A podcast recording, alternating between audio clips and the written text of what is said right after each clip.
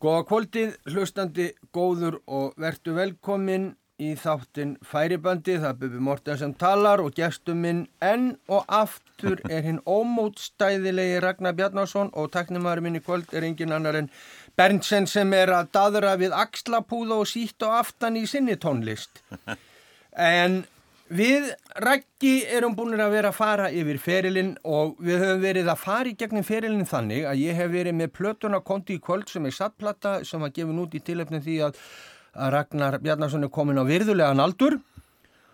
Og ég veit ekki hvort ég trúi mér en 60 ár á sviði er helvíti vel að sér vikið og þegar maður er búin að vera 60 ára á sviði þá auðvitað er maður ekki bara komin með skipstjóraréttindi maður er komin með þau réttindi sem að heita ég er ósnertanlegur og Rækki er ekki bara snjall söngvari heldur góðu sögumæður og til dæmis á þessum bækling sem fylgir plötun er alveg, alveg gríðarlega skemmtilegar ljósmyndir sem að segja frá tíðarandánum, það er ljósmyndir af Ragga með Elli, með K.K., með, með Svavari Gess, með, með hljónsveit Björns, Björns R. Einarssonar og svona má lengi telja og síðan er uh, sérstaklega glæsili mynd uh, hérna uh, það er tekið fram að hún er frá hippatímabilinu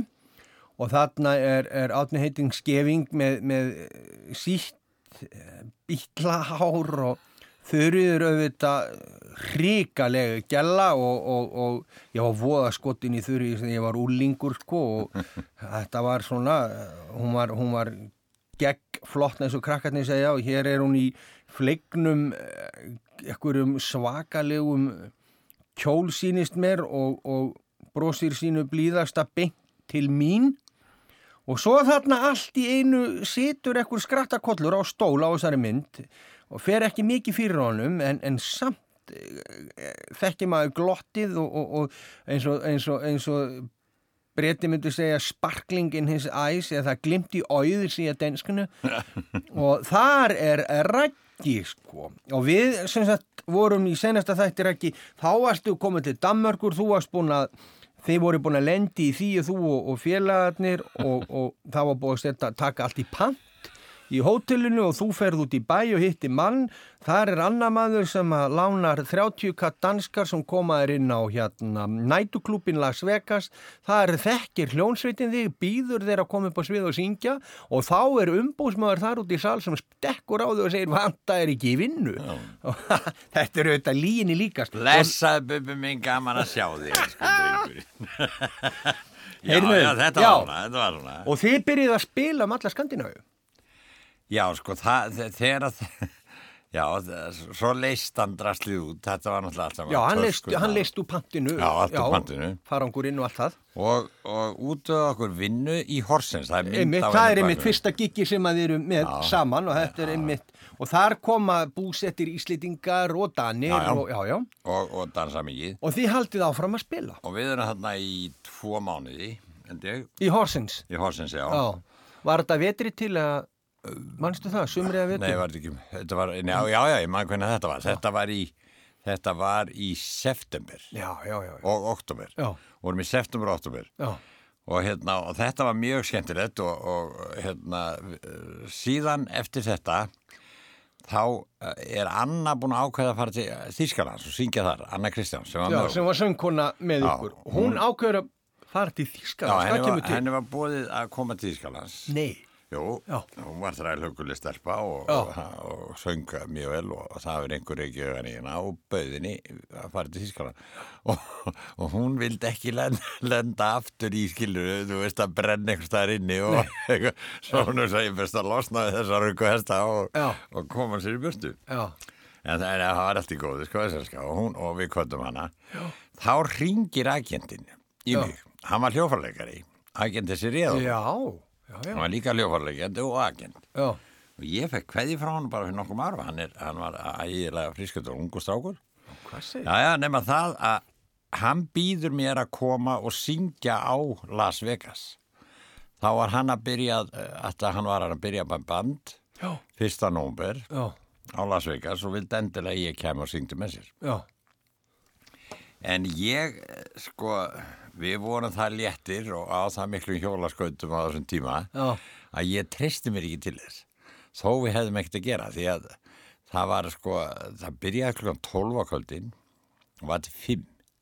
Það var nætugum. Já, nætuklúpur, já. og, og það var svo mikið íslendingum sem var þarna alltaf og ég hefði Sástu fyrir kannski að þú sjálfur hefði bara dottið í sollin? já, það var hættan á að maður hefði sko, maður var, maður var nú svona uh, Léttur á því, rúla, ungur. já, ungur og, og nýkominn úr skilnaði og, Já. og, og þannig að það voru svona... já, eitt bara og, og, Já. hérna, og mér, nei, ég, ég treysti mér ekki það ég, ég vissi ekki alveg hvað sterkur ég væri og það, þetta byrjaði 12 og verið til 5 og, svo einhver partí og kannski og eitthvað sko. svo ég sagði nei og þá vorum við konni í vandræði sko, því þá var engin vinna það var allt svona tóttrugl og villið svo þá var einhver þarna, það voru danski strákar sem voru að spila þarna á öðrum stað. Já, og við fórum að tala við þá, þau bygga sama pensionund og við. Já, og þeir sögðu gáðið í pólitíkin og, og tekkið á, á músikauðlýsingunum í pólitíkin. Já, og við fórum þangað, fórum í pólitíkin og fórum að lesa. Og þá vantaði bassaleikara og söngvara uh, upp til Tromsu, allarlega upp til Tromsu. nei, nei, nei, Norðunúri. Já, og við, ég held að við höfum ekki einu sinni vita hvað það var, það var bara. Já, Svo við, við ringjum já, og, og það, hann heitir Ragnar Sá Já. sem, sem að svaraði síman já, og hann segir já, já, mér vantar uh, trommara, neina, söngara og bassaleikara og, og uh, ég sagði já, svo, ég spila á trommur allan tíman þegar ég var í þessu þá stó, ég stóð það var svolítið- nei, Jó. svo eins og rockabilly. Já, það var að því það var ekki til fyrir bassatrommu það, var, það var sner og hi-hat Já. og svona páka, eða svona páka, hliðapáka Já, já, já. sner, hi-hat, hliðapáka Já. og, og En Tom Tom, eitthvað svo liðis? Nei, nei, ekki svo og ég stóð bara er, meira minna á, á annar löppinni og söng Nei. Jó, og spilaði Já, svo við ákvæmum að fara og hann segir þeir takki bara lest upp til tróns og svo fór hún að gá hvað þetta var. Þá er þetta alveg sko upp í hvað Upp í Lapplandi? Já, já, bara lengst upp í raskati. Svo við hérna fórum með lest Já, og þetta var alveg hrókalega langt ferðala frá Horsens og til Narvík. Við komumst ekkert lengra með nestir en til Narvík svo þegar við erum að koma þarna upp að þá er svona skafrenningur og þetta, þetta er svona dálítið- já, þetta er vétu, halló maður, þetta er í nóvember. já, klukkan eitthvað, eitthvað klukkan hálf ellu um kvöldi eitthvað Já, og þá segir Kitty við mig, já er ekki, hvað gerum við nú ef hann mætir ekki, sko, áttum að hitta hann það Ég sagði, þá förum við beint í fyr- fyrramálið, sko, og ráðum okkur hjá játbröndunum til að komast tilbaka. við förum bara í kólamókstur eða eitthvað. já. en mættan? Svo stóða hann Já, og svo kemur strákur út úr, úr lestinni og hann eh, er svona skímum og, og, og, og þá er það pianisti. Hann var sænskur já, og hér Lennart, Lennart Persson. já. Og hann, hann var þá með okkur í lestinu upptir. Nú, nú. Og þannig hittustu allir fjórir. Já, Og kallinn alltaf vildi endilega vita hvort við getum spilað eitthvað. Já, bara, Fór að tala um það. þannig að við- þetta var ekki köttur Bandi spila. Já, Og, já, já, við, við, við þá var veitingastæður að næða restaurant að stutt frá. ert ekki að grínast, tók hann ykkur strax eftir þessa löngu já. Áður en að, að, að ég skil. byrja að bjóða okkur, ég, sko, það þýtti ekki, sko, fórangæðin. Þá voru danirnir sem voru með okkur á horsins, þá voru þeir að spila þar. Nei, Og það var allt svona þvælingur og þessin. Svo við fengum okkur einn öl og, og upp á, á svið og sungum og spiluðum og, og þá kemur ljósa Lennart var bara sko algjör súper pianisti, hann var bara þetta er þekkt nafni þetta. Jó, já, hann var þekktur í Svíþjóðastrákur en hann átti við svona Áfengis, já, sko, var, var ruglutallur uh, skil, já, en, en en blúsandi talent. Alveg. alveg rosalegur svingari og, og spilaði hérna alveg sko eins brjálaðingur á segirðu? Æ, Já, og fastur og, já, já. og, Og svingaði ég til náttúrulega helvíti, þaut færi höndin á honum.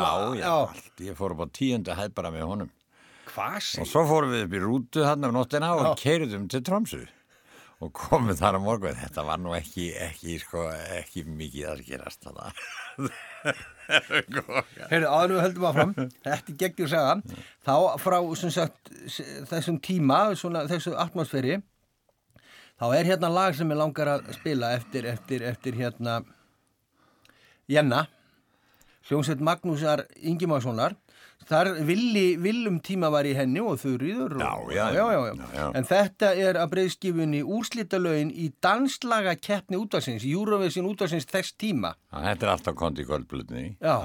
Ymmi. Og þetta lag varð algjör monster. Þetta lag man ég að ég söng 66, 10 ára gamall.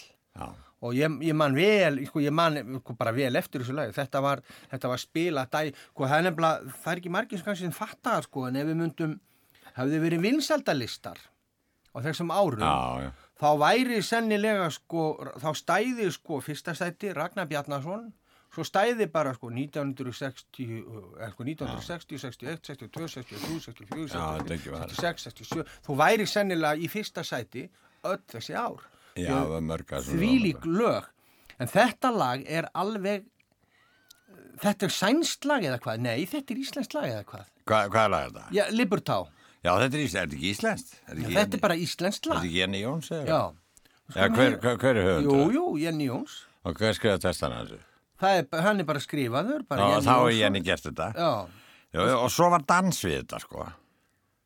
Já, það var dans. Það var já. jengadansin. Það var jenga, það var eitthvað, jenga æði, hvaðan kemur jenga? Það veit ég ekki. Nei, En það dansuðu þetta allir, sko. Það voru tveir, það voru tveir, tveir dansar sem voru rosa vinsalegna tíðanbili. Já. Það var Jenga og Labostella hitt hitt. La Postella. Já, bari, og Já, svo beigja sig niður og hoppa upp og svona. þetta ekki að grínast. Já, svo var þessi og þetta var eitthvað svona hopp og hopp fram og tilbaka. Nei. Og þetta kunni, kunni, sko, lið. Og, og lið, og, gætt liðið dansa svona alveg svo drukkið á böllunum. Já, já, alveg, vilt og Með galið. síkaretur í kjáttinu kannski? Nei, ég segi það nú ekki það. En þetta var alveg rosaðins þetta. Heyrðu, heyrum Hjá krökkunum líka, þetta er svona hálfgjör krakka. Ég, Já. Á, ég lit krakkana badnaböndin Já. og hérna badna badnaböndin syngja með mér á tónleikunum í uh, 75 ára í löðsöllinni. Litur krakkana koma að syngja þetta. Heyrðu, við verðum að heyra þetta. Libertá. Já.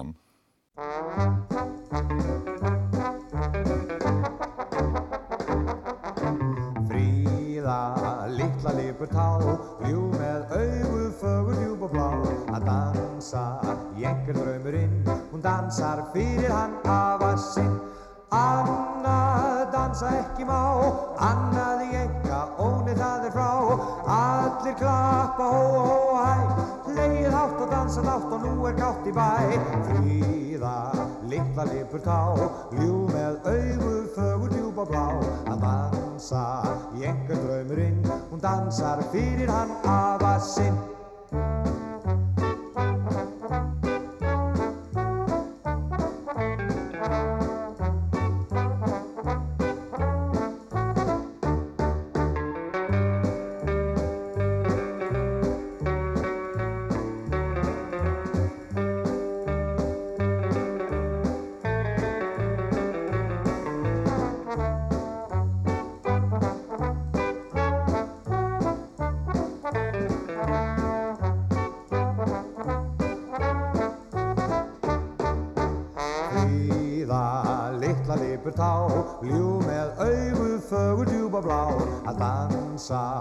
Einhver draumurinn, hún dansar fyrir hann afa sinn.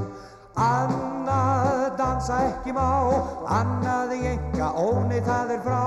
Allir klappa, hó, hó, hæ, leið hátt og dansa dátt og nú er gátt í bæ. Fríða, litla lipur tá, ljú með augu fögur djúb og blá. Að dansa í einhver draumurinn, hún dansar fyrir hann afa sinn.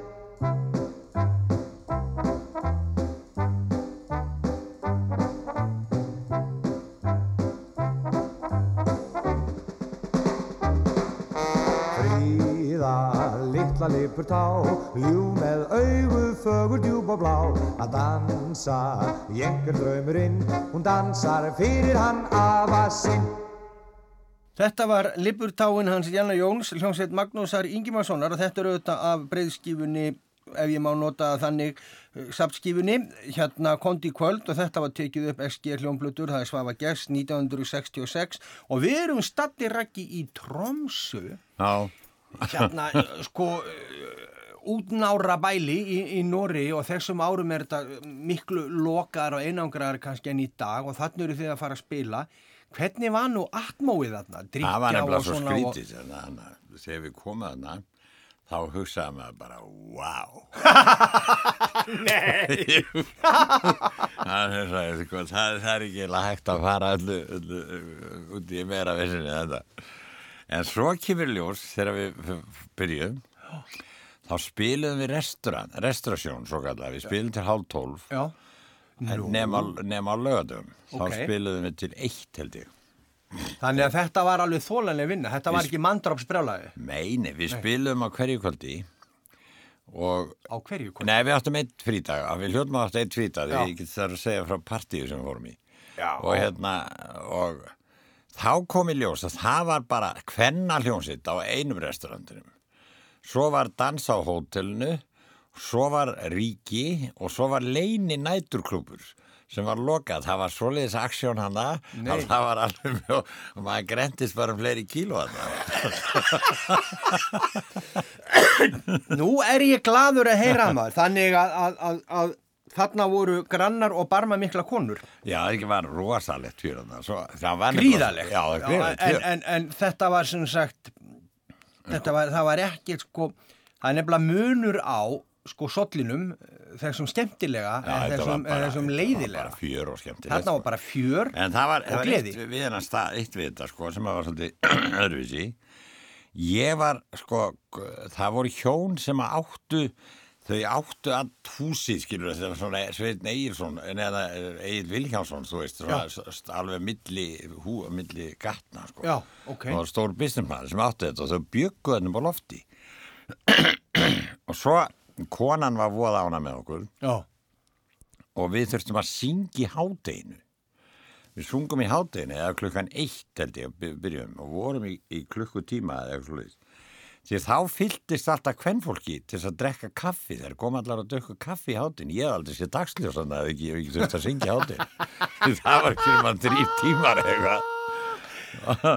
og svo, svo var einn sem ég þarf að segja frá sem var að en býtu, býtu, þetta, voru þetta konurnar í bænum eða var þetta kvennfélagið eða Það voru bara konar í bænum. Það kom bara konurnar að bænum kaffi í hádeginu og drukku kaffi og við sungum. Og þið sunguð og Granata þarna sérðu dagsljós í fyrsta skipti í rauninni þegar að þetta kemur upp á. Já, sko, það var náttúrulega dagsljósildi bara einhverja þrjá tíma. Já, ég ætla að fara að segja, sko, þetta er bara í, í norðu Nóri, þarna, Já, já, þarna er alveg bara bygta yfir öll, neina, dimma yfir Já, á þessum tíma. á Sko. þessum tíma, sko. En, en, en, og nætulífið er alveg svakalegt. Já, já, já, svona, svona, þú veist, það var miklu meira líf heldur en við reiknum með, sko, Já. við heldum þetta væri bara að þeir kemur bara reyndir honum, sko. Já, kraumaði allt undir. Já, Kraumaði allt undir. Já. Svo, svo var hérna, það voru tveir Íslendingar hana Já, á þessum tíma. Það var einn ungur strákur, þetta hafi verið kemlaug sem var hana. Svo, hjó, svo var ein íslensk kona sem var búin að vera hana lengi, lengi, sko. Já. Og, og búin að vera byggileg 30 ára eða eitthvað. Hún, hún, hún giftist norsara, sko. já, hafði byggilega kynst honum í stríðinu eða eitthvað. ok. Og hún fréttir af okkur, Og kemur fagnandi. kemur fagnandi og býður okkur heim Já. í partí einu sinni. Sæl. Og við náttúrulega voru gaman að fá að hitta íslenska Íslending og ekki hitt Íslending í langan, langan tíma. Svo við fyrir þangað og svo þau áttu hús sem var upp á hæð, Já. daldi fyrir ofan göttuna og svo var svona stígur eða eitthvað svona upp á Já, svona uh, trestígur. Já, svo það tekur hún æðislega vel á mót okkur en hún er alltaf að segja strákar, passi ykkur á þessu rauða Rauða. og við vissum aldrei hún? að hvað, já, svo við vorum ekki alveg kláraði Nei. hvað hann var að tala um alltaf strákar minni, passi ykkur á þessu rauða. Svo kom, hann var svona lítill naggur, nossarinn sko. þetta er flottur Já. og svona, með lúmskan húmor og svona Já. og hann var alltaf að hlaupa í kellar og sækja sækja heimabryggið sko. og það var raukt og við vissum aldrei hvað hún var að, því hún sagði aldrei, við, við vorum ekki að beint að leggja þetta saman sko, hún og fengu og þetta var bara svo saft og fundum aldrei neitt sko vínbræði eila þessu Þetta var bara, og, og gamla og stráka mín, í passu ykkur á þessu rauða og við fattum, já, já, alltaf með þetta rauða og svo, hérna, þegar við fórum sko, þá vissum við hvað hann átti við stóðum allir úr stólunum sko. Fórum svo út úr dittnar og það var snjór og við fórum bara á afturendan og djú, allarlega niður á götu passu ykkur á þessu rauða Guðdómleg. Heyrðu, þetta, og manstu, er þetta hvaða ár? Þetta er þetta sé- 63 því að Þetta 63. þegar ég man alltaf eftir því ég var á sviðina í Tromsö þegar ég frétt af Kennedy verið já. Já, maður, þú sko, hugsaði þér. Hvar varst þú stattur þegar að Kennedy var skotin? Ég var á sviðinu í Tromsu. Já, já, þetta er þetta er svona munamenn, sko. Já, já. Þetta eru þetta alveg merkjaður ánskoti. Og þarna ertu hvað lengi í, í Tromsu? Við vorum tómaðin sko þá, við vorum fjórir þá þá var þessi Ragnar okkur. Svíinn. Já, tveir svíjar og Já, Svo segir, hann var hljónstastjórun svo segir hann við okkur sko eh, þetta er svona bara 15. desember að við erum að fara til Finnlands. Fyrsta, fyrsta januar það var svona líf sko að ferðast fram og ok, tilbaka og þið farið til Finnlands og hvar? Nei, við nefnilega gerum það ekki. Hann, það, svo kemur hann bara nokkurum dögum fyrir áramóndin og segir við okkur strókar það verður ekkert úr Finnlandsferðinni. Ég er búin að ráða, hann var nú bara skítall sko. ég er búin að ráða mig á, á, á hótelið hérna, hann var hótel með restaurant. Já. og ég verð bara eftir. Og, og, og þið, það er engi ég er ekki með neitt meira djóp þetta var nú svo, hann kom svolítið aftan á okkur sko. svo við rykum í, í, í eh, vertin og hann hérna hann er alveg sko grátinær þá er hann nýbúin að ráða hljónsitt áfram. Því við vorum svo vinsalega þarna við höfum geta verið þarna já, já. svo við, eh, við ætlum að fara alla leið upp til hvað heitir hún Nistibær í Norri fréttum að því að það væri, það væri sem er ennþá norðar en þetta. Já, há eitthvað, há eitthvað, ég man ekki hvað það er. Nei, það skiptir ekki máli, við getum bara sagt það var- það var, það var nýbúið að ráða þar þetta var allt svona sko. Já, Svo við vorum í, í svakalum vandræðum og, og, og, svo vorum við hérna verið jólinn, sko. Uh, alveg kláruðum á gamlaskvöld, held ég. já, í Trómsum. Kláruðum á gamlaskvöld. Já. Svo sátum við aðfanga Daniel á Herbyggi og, og þá kom eh, Selska, konamannsins. Já. Og þau buð okkur upp að borða með sér og buð okkur í jólamatt og gaf okkur jólagjaf Nei, og voru alveg indisleg og strákurinn litli guttinn hann, hann Þeirra? er sonu þeirra, Já. þetta er strák sem að rekur þetta núna og ha- ég man alltaf eftir sko, hann var náttúrulega businessmaður og það voru allir að senda það var bara alveg upp, upp, upp að ve- vegnum sko, alveg bara, þú veist gjafinnar og litli kúturinn var alveg rugglaður og, og þar vorum við sko, svo lauk þessu Manstu matinn? Hvað fengur þið að borða? Manstu það? Nei, ég man það ekki. Nei. Ég man þetta einu sem borðið mikið í Nóri. Það var hérna, sem ég var alveg búin að fá ónæfum fyrir, það var hérna karbonaði. Já, karbonaði. Já, ítalst Nei, nei. Það karbonaði. var eitthvað engar nost farkar. Nei, Já, ég man ekki hvernig það var. ok. En, en, en, en samt þannig að að heimþráinn og svona á aðfangadag sko, að því að aðfangadagur er sko bara sér íslenskt fyrirbæri, þá er þetta allt Já. annars eðlís. Þannig að þið fáið miklu meiri svona, Já, þau voru fáið með aðfangast. já, fáið fegur. Já, já, þetta var, þetta var, þetta var á gett, sko. Og, þau voru búið að sæti sér að gera þetta. Heyrðu, nú skulum við taka hérna lag, Ég- þetta er svo mikið af lögum, það er svo gaman að, að hérna, en það er eitt lag sko sem að þú tekur upp nokkurum árum setna, en þarna ertu komin með, þarna ertu sko með þína hljómsveit og, og, og það er bara hljómsveit Ragnars Bjarnasonar og, og hérna Jóhann G. Erlingsson gerir textan eða Jóhanna, þýðir, já, þetta er kona Jóns Jóhanna, segi, Og kona, Jóns Bassa. Jóns. Jáhá, og hafið lokkar og laðar. Ekki ennú textar en það? Já, hafið lokkar og laðar, Sutton and Cheryl. Já, já, Jóhanna G. Erlingsson. Er Ragnars Bjarnasonar Já. og þetta er að plötun út í Hamburg og þetta er sko 1968 og þetta eru SG hljómplötur. Já, og, og hérna, en þetta er kannski svona þremum, fjórum árum eftir að þú kemur að heimatur sko. heim aftur, en, en við skulum samt heyra þetta lag Hafið, lokkar og laðar. Einn ég stend nú við stýrið og vakir Stjörnum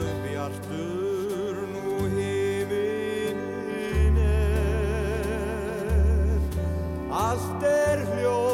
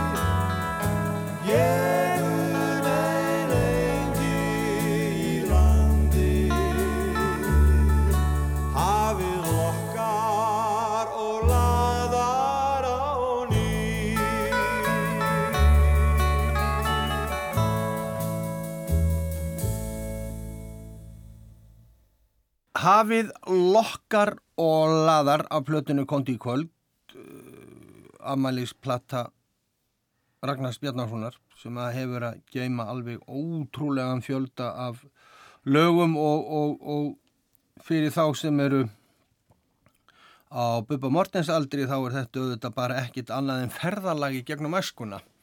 Hérna, þið eru stattir í Trómsu á aðfangadag en það hlýtur nú að fara að draga til, til tíðinda að þið farið að hugsa ykkur til hreyfings. Já, við erum að gera það því við, við fengum, við vorum alltaf lokaðar hann uppi að vera, og það var ekkit annað sko. Svo ég vildi fara til Kaupmannafnars Já, en Lennart vildi fara til Svíþjóðar, til Stokkólms enda svíi. Já, og hann heldi fram að þetta væri allt í fína lagi sko. Svo Já. við fórum til Stokkólms Já, Svo kom í ljós að hann var ekkit vinsalist í hljófarleikar í Stokkólmi Lenny var hann búinn að segja það? Nei, nei, hann, nei, nei, Nei. nú segum við að hann var í þeir hoppuð ekki tæði sín lottum þegar hann kom Ok.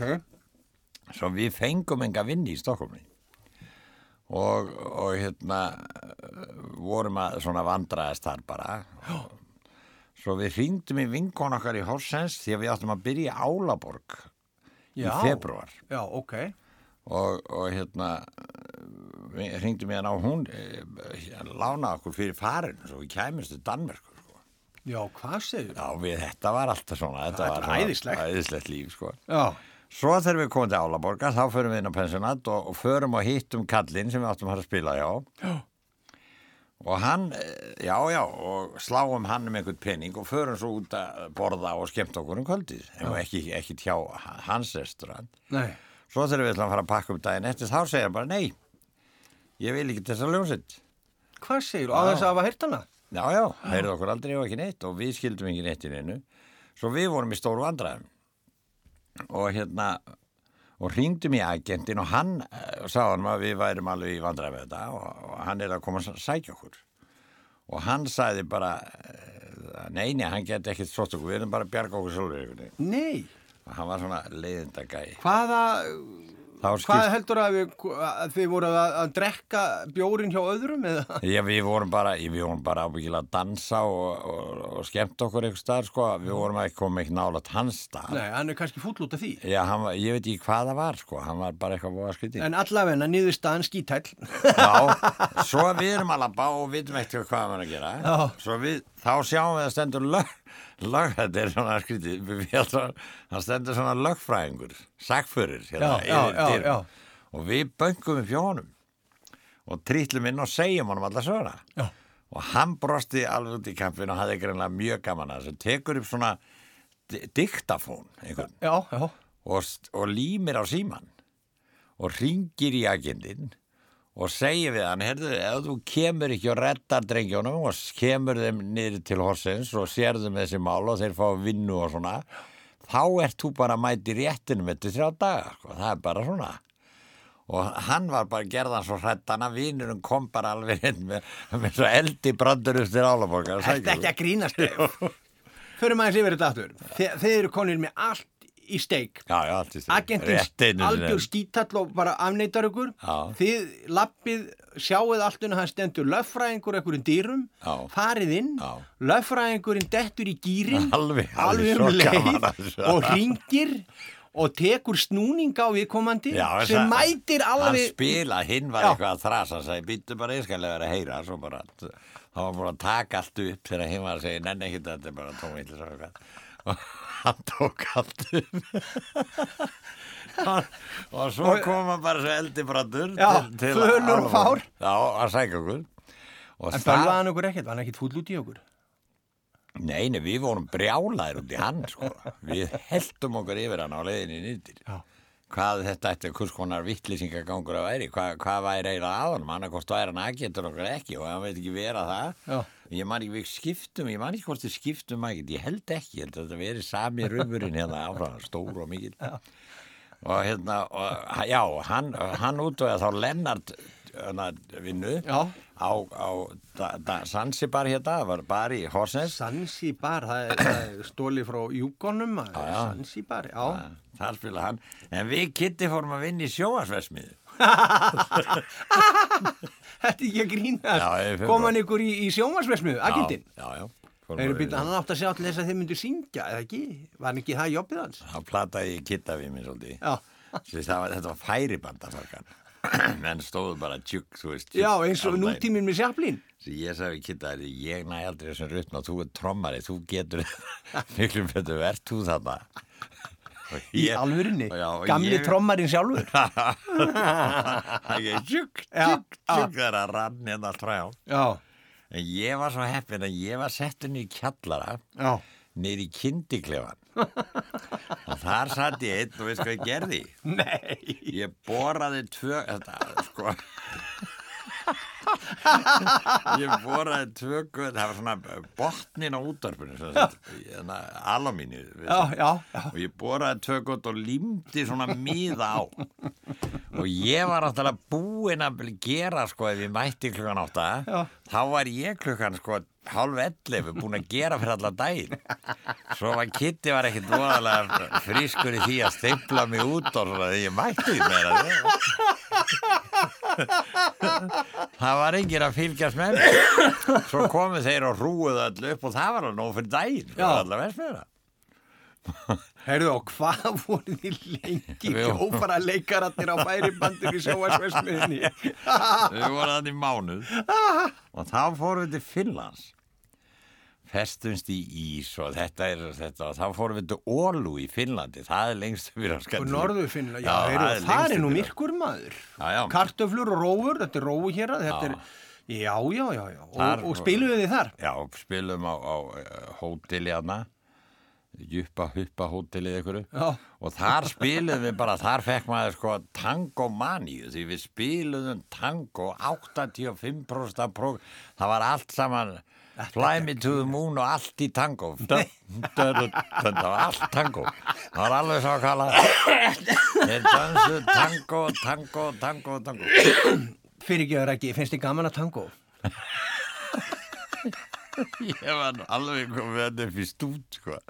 Við- því að við kunnum kannski tíu tangoa svo þurftum maður að spila kannski 40 tangoa í kvöldið.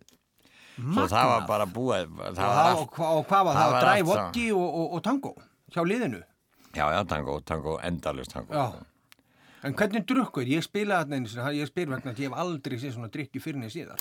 Þetta var einhvern veginn öðru, þetta var fullorðnara fólk og það var, það var engin drikja og ekki á okkur og það neitt. Nei, bara dansinn. Já, bara dans og við vorum ekki neitt fórum, við skildum ekki múkarna maður. Nei. Og uh, talaði engin sænsku þarna uppi, sko. Nema, hó- svo, nema sonur hótelstjórans. Hann talaði sænsku, Já. hún var hann svo gömul, sko, að hann, að hann stjórnaði. Ok. Og hann var á eirónum alla það var... Þannig að það skipti kannski engu máli. Þurfti eitthvað að tala að það var maður sirku upp á það sko væri búin að vaka því klukti sko, það var að færa aftur.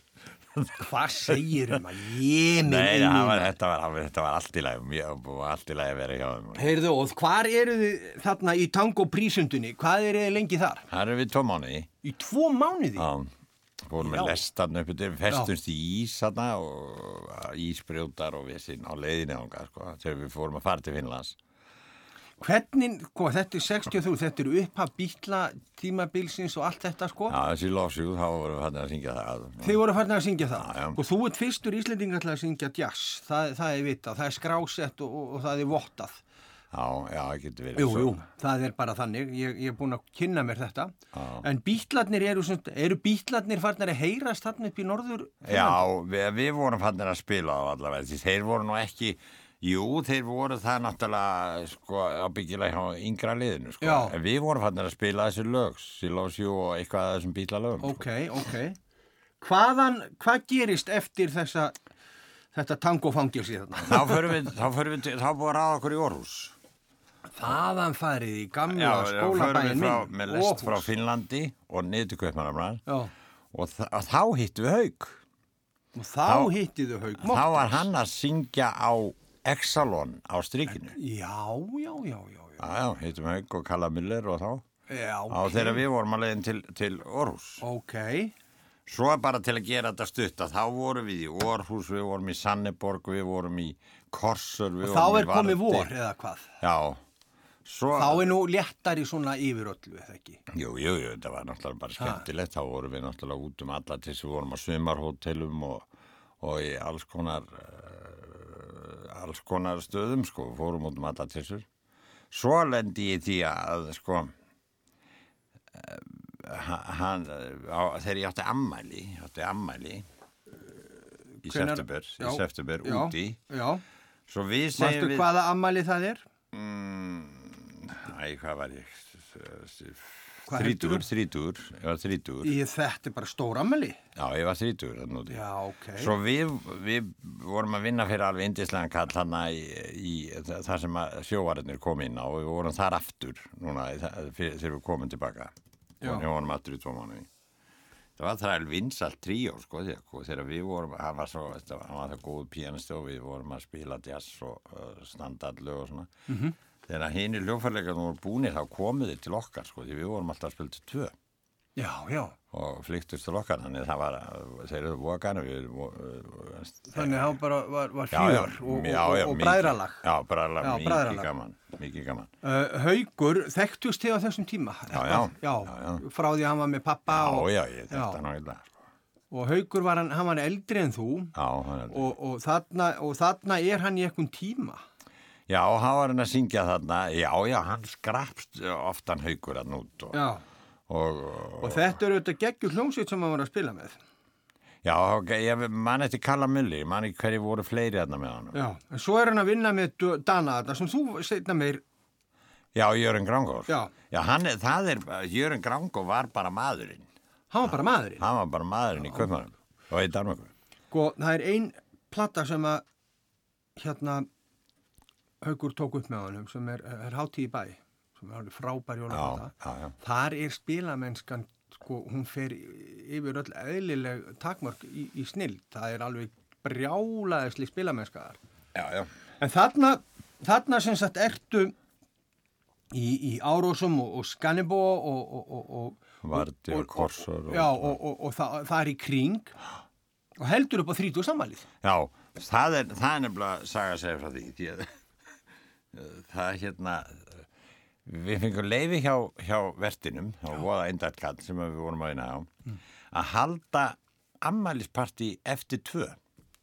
Því að við fengum svo mikið af vinum og, og hljófarleikunum og öllu. skilur.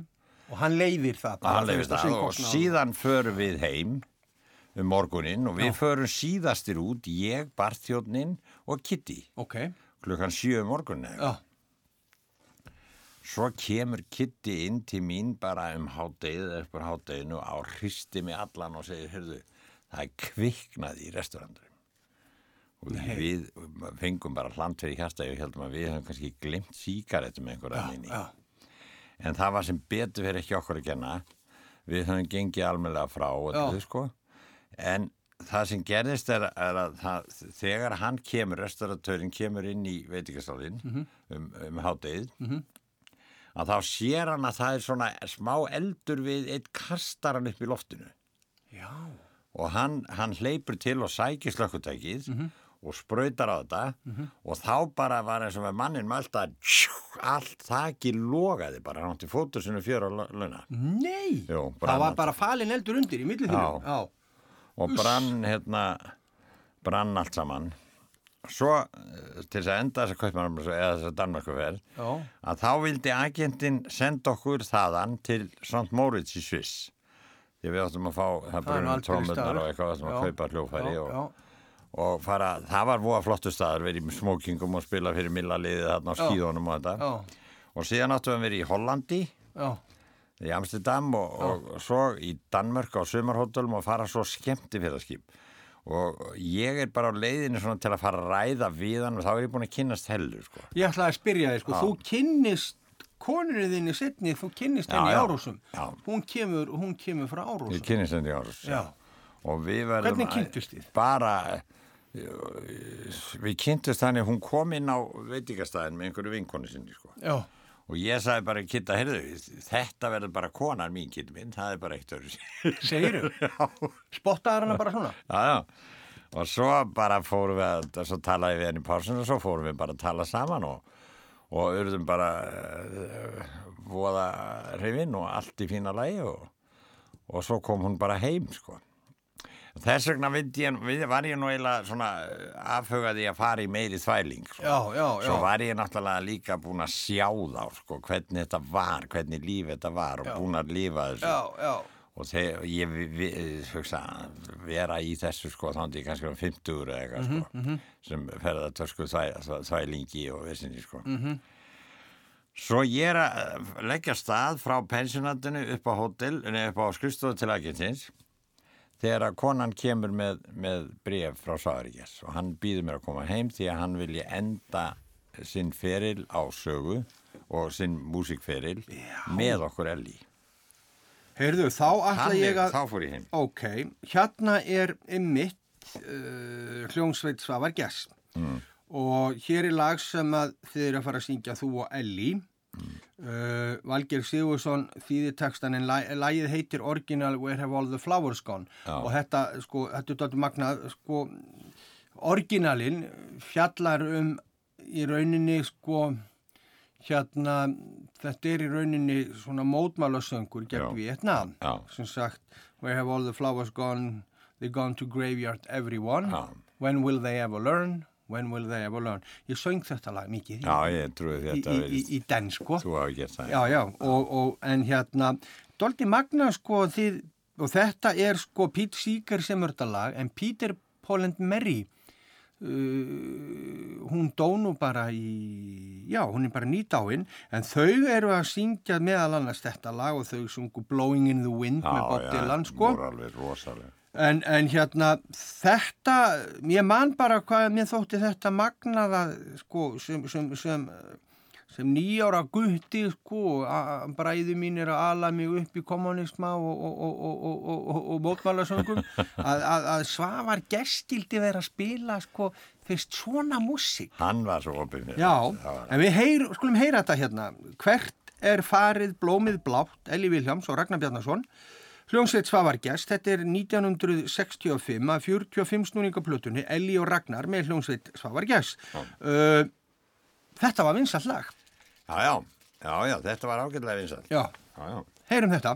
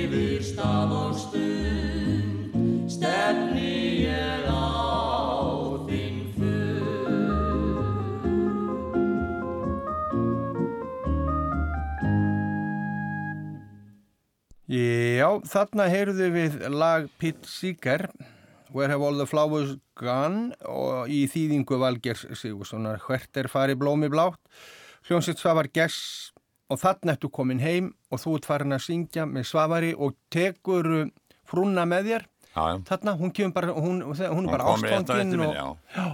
þannig að, að og þú byrjar strax að spila með Svavari á sjögu Já, hann vill enda ferilinn já, hann vildi enda feril með okkur Elí. sko. Þetta er magnað. Var, var hann og Elli þá farin að... að... Nei, nei, nei, nei. En Það voru sko, ég man ekki hvað, Anna Viljáns og einhver, hvort að Berti heitin Muller voru, voru áður sko. Já, Og svo á, þá var hann að fara, byrjaður að stúsast í þessu plötu útgáfu sko. já, já, eski... Já, já, já. Og þá vildi hann endilega sko enda þetta með stæl sko. Og fá okkur.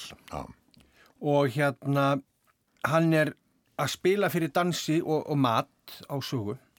Hvar, hvað ertu lengi með honum á hóttur sögu? Saga er ný þá, saga er svona, eða ekki búin að... Já, við, við byrjuðum, sko, við vorum byrjuðum þar 1964 Já, þá byrjaði, þá opnaði sko, eh, Súlna, já, Súlunarsálu, grilli var opnað 63 já, ég var einmitt að hugsa þetta en daginn, ég var að syngja hann anni jólum miljónum það er 40 uh, 40 og 6 ár síðan ég lappaði upp þessar tröppur var ég að hugsa þegar ég var að lappa ég byrjaði að syngja. Magnað. Og alveg og gerst í gær. já, já, Já, þetta, þetta, er, þetta, er, þetta er magnað.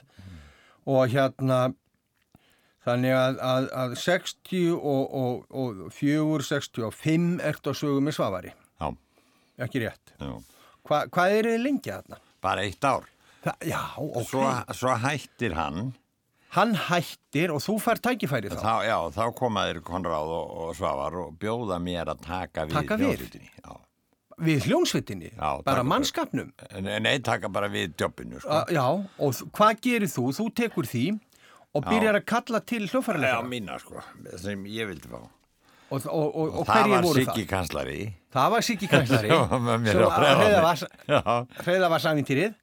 og hérna og Ragnar Páll uh, enna listamaður frá Siglufyrði Já, hann á, Á hvað spilaði á hann? gítar var hann góðu gítalegari? Já, ég fe- fekk hann, ég sagði blessa kondi, að hitt hann Siglufyrði, ég Já. sagði blessa kondi í bæ, maður veist ekki að skrifa veist ekki að endalust að tekna andlismyndir en það kondi bara söður, það sem að hasarinn er. Já, og þú getur verið í herbyggin heima með bara og, og, og meðan átt að fá fjörskilduna söður við minnir þetta að vera svo já, og um, ég frétta á hann á Sigluveri og hann kom og, og var hjá mér.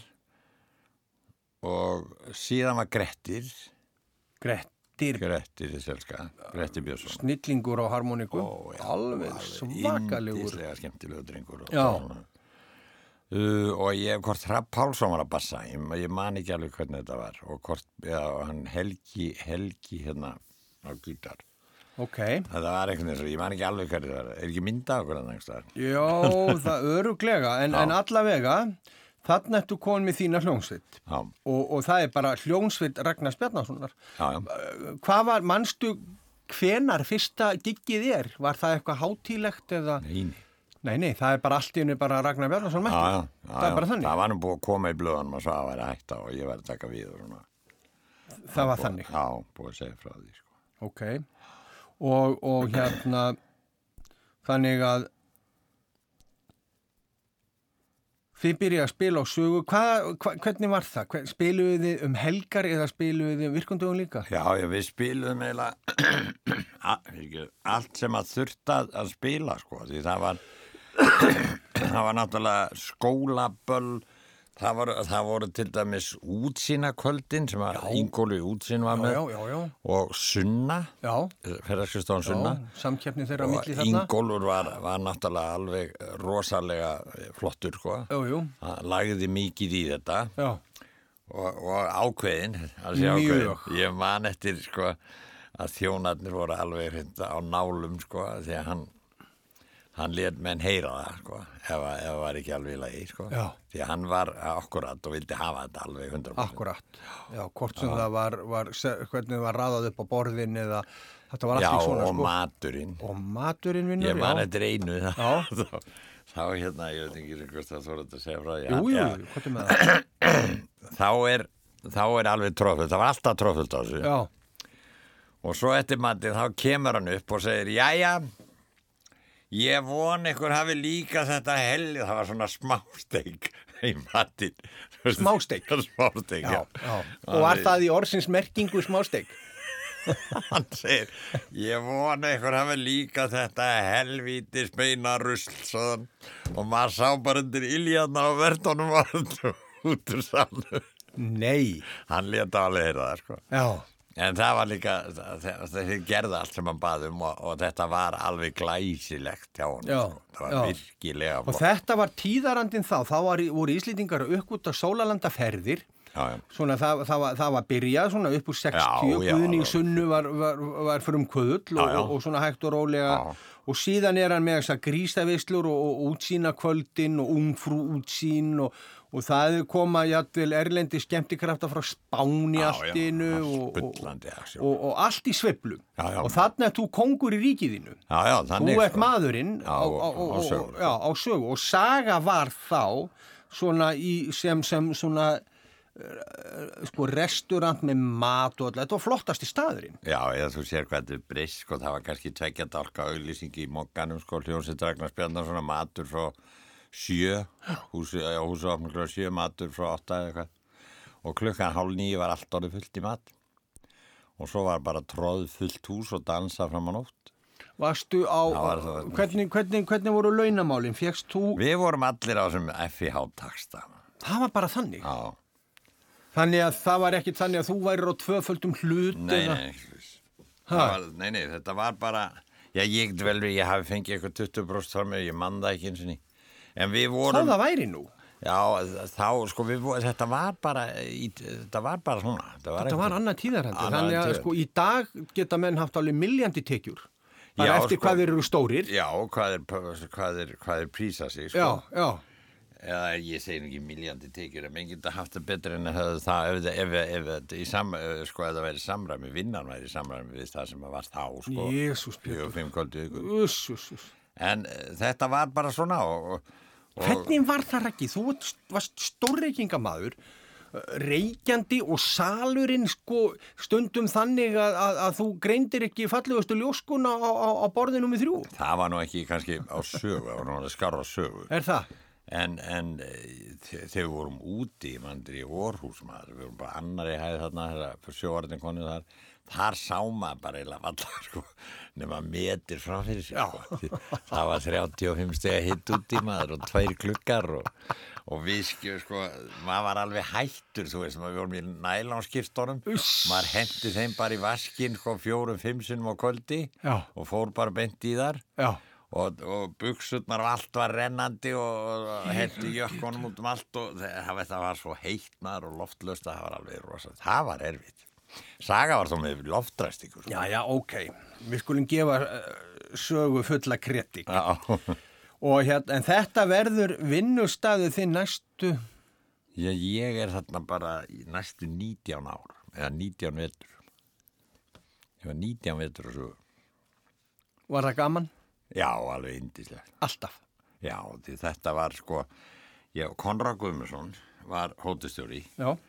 Sko Þorvaldur Guðmundsson er þarna fyrsta árið þegar Svavar er þarna -hmm. og Konráð er þá uh, sko búin að ráða okkur þarna -hmm. og þegar að Konráð kemur þá kemur svona hótelstjóri sko sem að virkilega hafði sinn metnað að láta þetta ganga vel og svona sko Klúburinn var hann í samkeppni? Já, þetta var allt í þá? saman, já, já, og loftleðir og allt heila Loftleilur komin, Já, já. klúburinn, en þið eru, þið eru sko, þið eru berið í, í, í tertunni, þið eru í rauninni, þú veit, top of the cream, sko. Já, þannig, sko, í matnum og, ég er að tala um það. svoleiðis, sko. Já, Og svo var náttúrulega, svo voru náttúrulega líka sko öll böll sem skiptu máli og allt sem skipti máli það gerðist þannig svona. Var aldrei vesinn, var aldrei, verður aldrei ekkur í brjálaðir þarna og, og bara, ma maður sá það stundum, sko, allt innu bara ekkur eitt snappaði, sko. Jú, jú, það var alltaf eitthvað svona. Ég, það er lengst það sem ég hef sungið við slagsmálamböbi, það voru 45 myndur. það er heitt bardagi. Það var út á, út á landi, Já, þá var landlega og þá kom lörglu hjónir og það sagði við svo ekki að serðu, við erum bara hérna vinnus. já, Svo við erum farnir upp í sjónabúrstað, þú sér bara um þetta.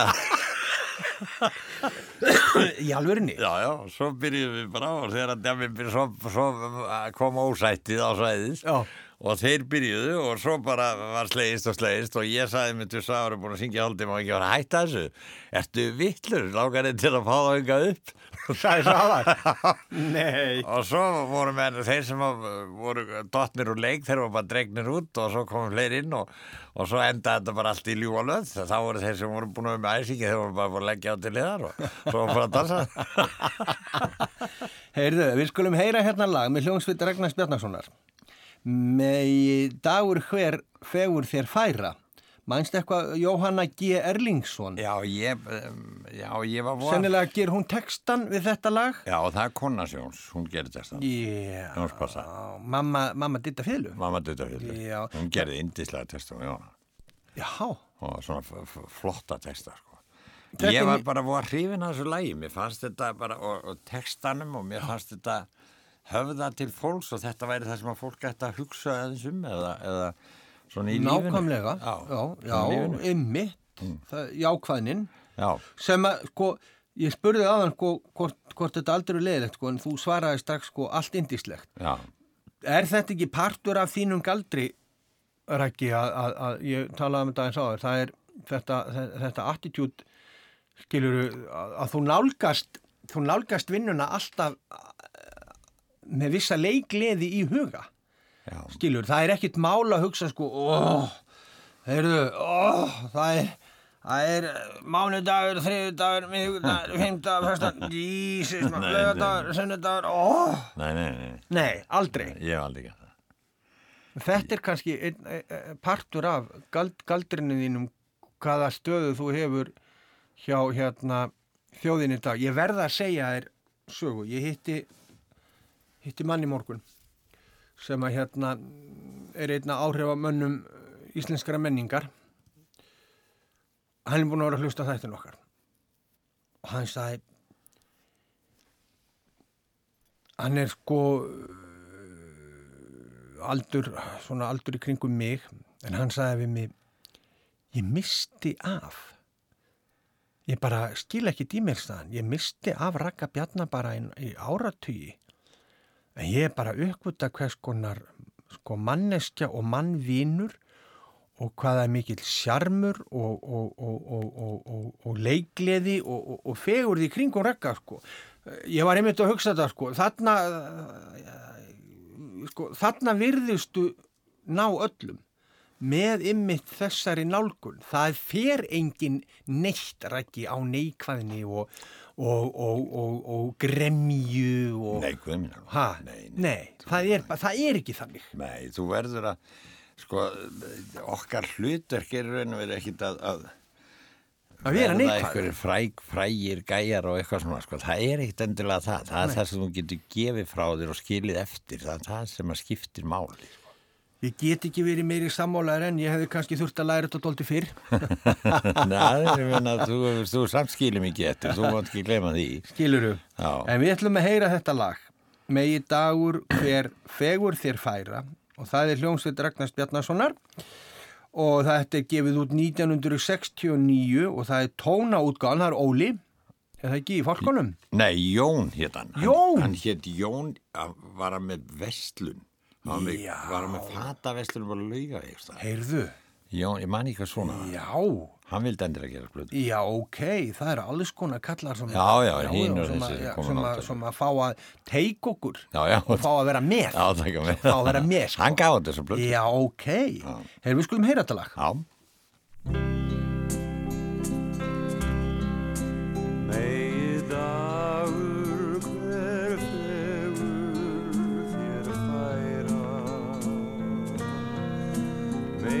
For sjónin vak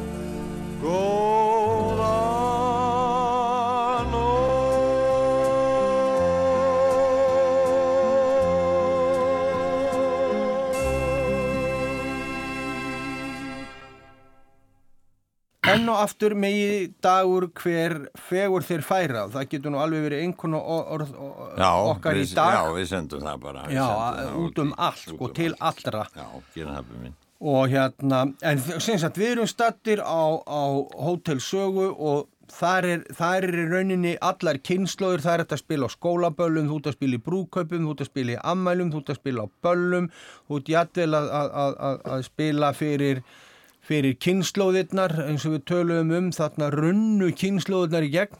Já, já, það, var það, sko, það var allt annað, það var, það voru náttúrulega þessi venjulegu böll, sko, sem var alltaf tróðfullt á og svona, og svo voru söngakeppnir og það var, ég man ekki hvað var þarna, svo var til dæmis uh, nýjáskvöldin voru þarna, Já, það er byrjað. já, það er byrjað, og Konráð, Elítan, já, elítan kemur á, á Hótel Sögu á nýjáskvöld. já, Það er skotið upp með börnunum á gamlaskvöld og Já. svo fer, fer elitan í sitt fínasta skús og, og- og, og mætir og það eru þú í smóking, allir allir í Og smóking. þetta var uh, svakalega flott og sérstaklega það sem Konrad gerði, sko, ég man eftir e- einu sinni Voru þá- þið fyrstir með þetta, þessi nýjáskvöld? Já, ég held að það. Þá, það er svona salur ef þú kemur upp í súlnasalinn, það er bara salur strax og kemur upp tröppuna til vinstri já, já, einmitt. og Það er rótt svona vípi, fordrykkir og... já, Já. já.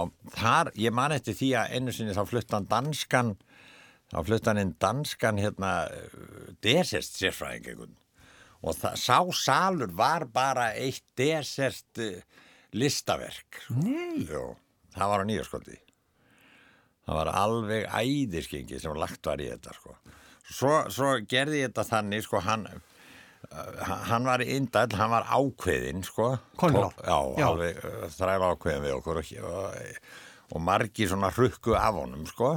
En þeir sem eftir voru og sem var náttúrulega megni á okkur við skildum hann sko, maðurinn var bara að reyka fyrirtæki og þurfti að vera ákveðin hann var aldrei, aldrei ósangjarn en eitt svolítið, hann var bara ákveðin. Fastur fyrir og vissi hvað hann já, vildi. vissi hvað hann vildi og hérna, og til dæmis ég útsetti sko dinnermúsíkin hjá okkur var þannig að hljómsettir spilaði öll frá 8 til hálf 10 bara, þú veist, I'm getting married in the morning og söngleikja músík og, Já. og ég skrifaði útsetningar bara fyrir það og svo spiluðu þeir bara svona alls konar íslensk lög og Já. söngleikja lög og Já. allt bandið Já. og svo kom ég klukkan hálf tíu og byrjaði svona dansið klukkan tíu þetta var þetta gaman að þessu og svo náttúrulega í Og öllum hátílegt, er það ekki? Var þetta ekki svona jú, svo- stemming? já, vikið Já. stemming Og, svo í konurnar í hvað, galakjólum Já, já. maður og því lík. En tókstu eftir í stundum eh, eða fór það í gegnum hugaðinn sko stundum þegar maður hefur verið að spila og maður sér alveg glæsilegt fólk koma inn í sínu alflottasta og svo kannski bara þremmun tímum setna sko þá sér maður bara Titanic vera að fara niður. Já, nei, það var nú ekki Sást aldrei svona sko Nei, ekki, ekki svolítið. Það voru svona, þetta voru einhverju sem fóru við stríki og Já. svona. Ég mann samt ekki. Það er ekki var- satt í þér. Staðurinn var, gaf bara ekki tilefnin til þess. Það er bara þannig. Þegar ég var með svavari, þá voru þeir miklu líflegri, þá voru nefarnir minni í vörsónum, sko. Já. Þegar aðstæður voru þannig. Já. En þarna var, ég mann til dæmis voðalega vel eftir fyrsta ballinu sem Kristján Eldjárn og konan hans. Heldu? Nei, Nei. þegar hann var, var kosin fósiti. Já, segðu mér. Var- 1969, Já, eða ekki? þá var Kristján, sko ég Alltaf, þekkti já. Kristján. Já. Við höfðum einu sinni borðað með honum uh, hádegismat út í, í skagafyrðunum þegar við vorum svar í gest, þá var hann að koma, þá var hann að fara út í Drangei með gamlan Amerikana sem var búin að sapna fyrir Drangeiarferð allt sitt líf Nei, nei. og, og, og fá Kristján með sér Já, sem gæt, sko, Já. segja sér frá þessu gretti já, sinni. já. og hérna, og síðan er hann komið sem fórseti og þá kemur náttúrulega Konráð og segja, ja, drengir, alla á svið klukkan átta í smókingum og flotta músík, íslenska helst og, og síðan uh, koma fórseta hjónin og þá standa allir kýrir á meðan Já, og svo, kom, svo, svo er, er, er þau borðinu bynt fyrir fram á okkur já, já. Og Og þetta er innsetningakvöldið hans í rauninni. Já, þetta er ba fyrsta balli, já, Já, já, já, já, já. innsetningakvöldi. Já, já. Og hann var svona, eh, Kristján var nervös, því að hann náttúrulega greiða hann var ekki vanur þessu svona, svona uh, Kúlum, hæ já, krúsundúlum í kringum þetta allt þegar það var hann fórseti sko. Já. svo hann labbaði að borðinu og svo svona stóð hann, svo stóð hann upp og labbaði bara beint í mín og tók í hendur á mig Ertu ekki að og ég, grína? og ég sagði blessa þú stendur upp flott Kristján mér veist ekki aðgjöfur þessu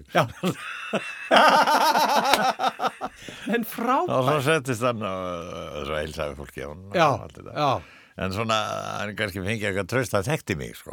og vissi að ég var það var það var ekkit snobbóið sem ég mér Nei, ekki, ekki, nei, nei, þannig er hann rækki maður. Já, já, Bara já, best að já, svona- byrjum bara. Það er Já, sko. byrjum bara á.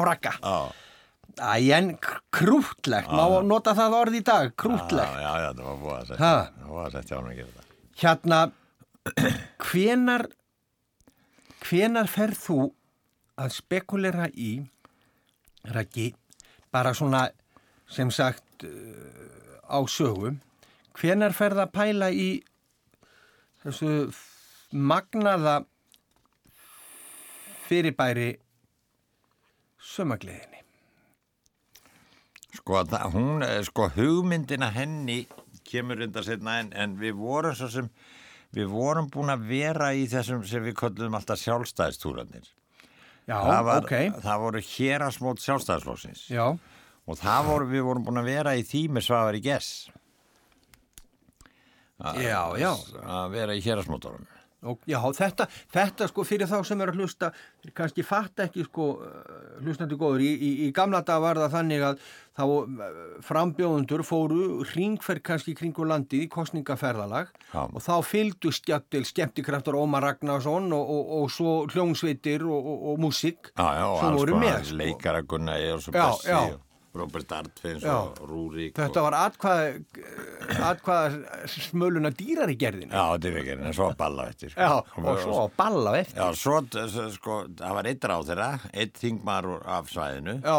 Og svo einn hemmaður sem heldur stuttaræður. Jú, jú, jú, Og svo uh, ruggluðu við á milli, sko, með leikþætti og þessin og, og svo ball, ball.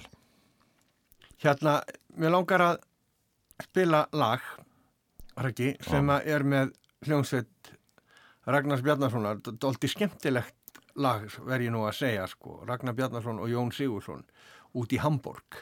Já, það er, já, það er eftir hann, eftir hann Jón Sigursson, Já, og, þetta er ge- gert sko 1968 og þetta er þeim tíma sem þú ert að sögu.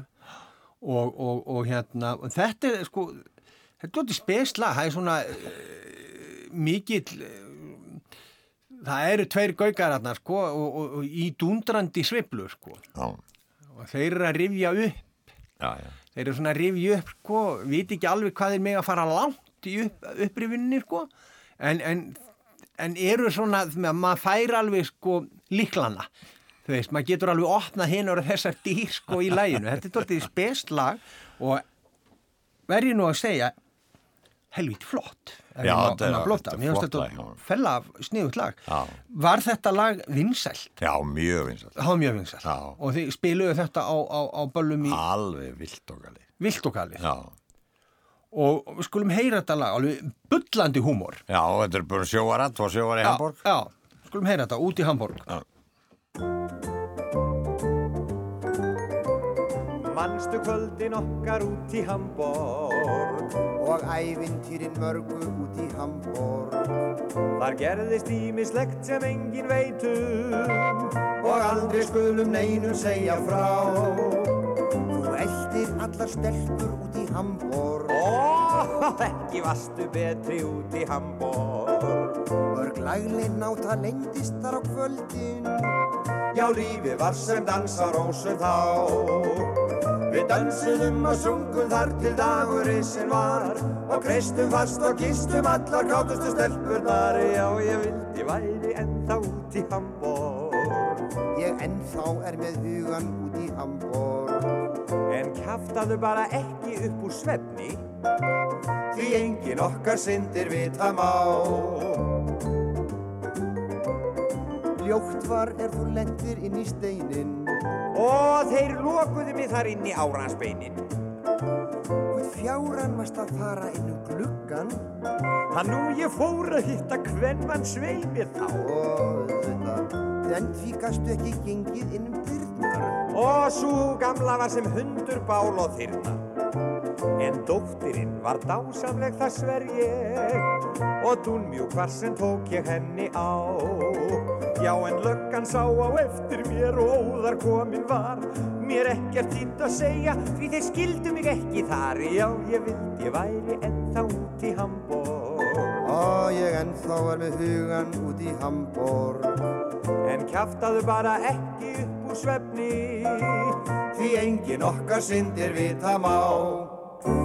En þegar þú varst eftir varð ég hissa Já, mér orðið hefur á mörg verri skissa. Því betri nætur engin Íslendingur sér átti nokkun tími þýskri höfn. ég skil ekki, ég skildi koma aftur. Og, já sko, þú varst orðin balvaður fyllir aftur. En segðu mér, með hverri varst að... Sæti! Ég held sko að kæfti núna um öll nöfn. Mér fannst að hlýtt að vera eitthvað undarlegt við það. Nú ef þú ert með stæla, skal ég spæla þig í stað. svona, ég vildi væri ennþá út í Hamborg. Ég ennþá er með hugan út í Hamborg. Já, en kjaftaðu bara ekki upp úr svefni. Því engin okkar syndir vita má. Okkar syndir vita má. Nei, sérðu þessa Ah. mikið gasalón Já, huguleg. ég á eftir. Nei, góði, ég sá hana fyrst.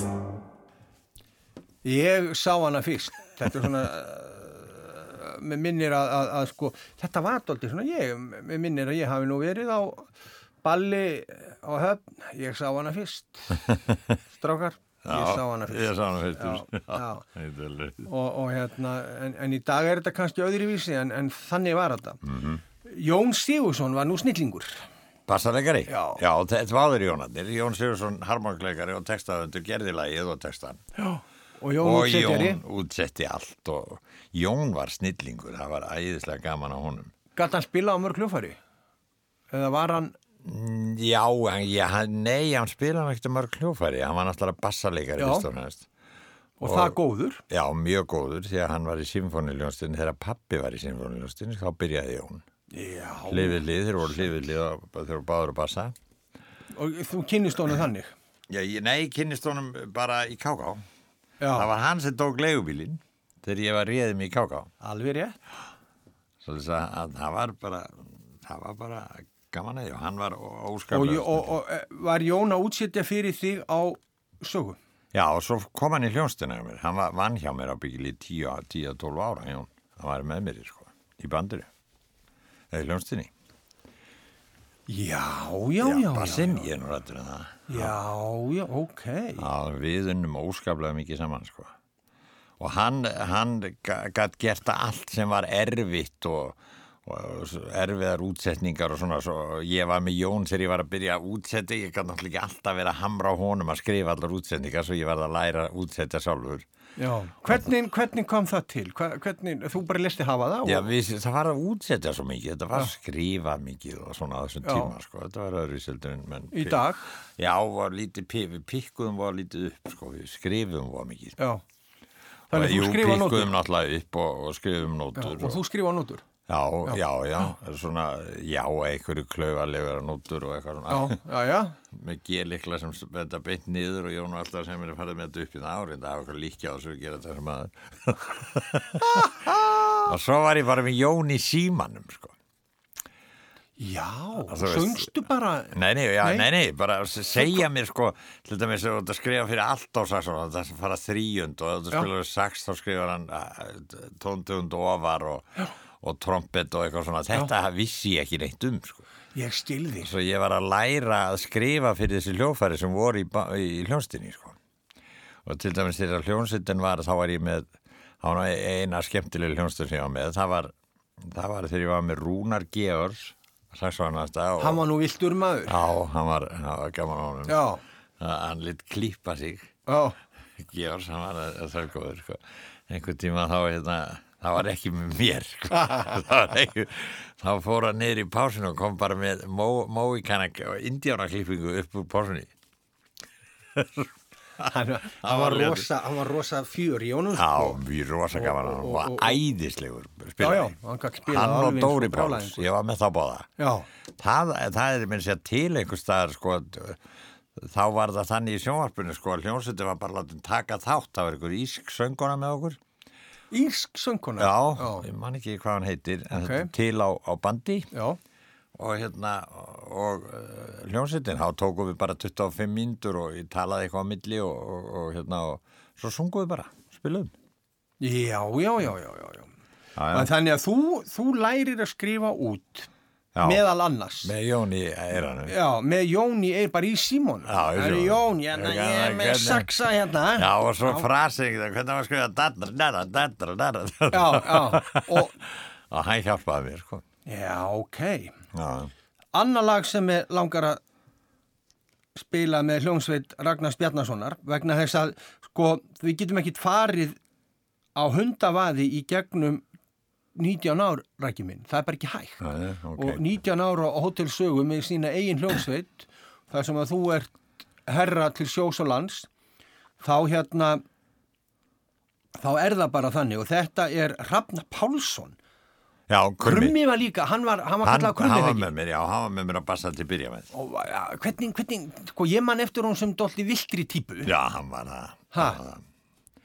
Hann það. En hann, það, ég á Krummi það- lífandi í dag, eða hvað? Já, já, krummi, Já, já, já, já. já. Hann, ger, hann var að gera testa við mig á sjómarplönduna sem ég gerði.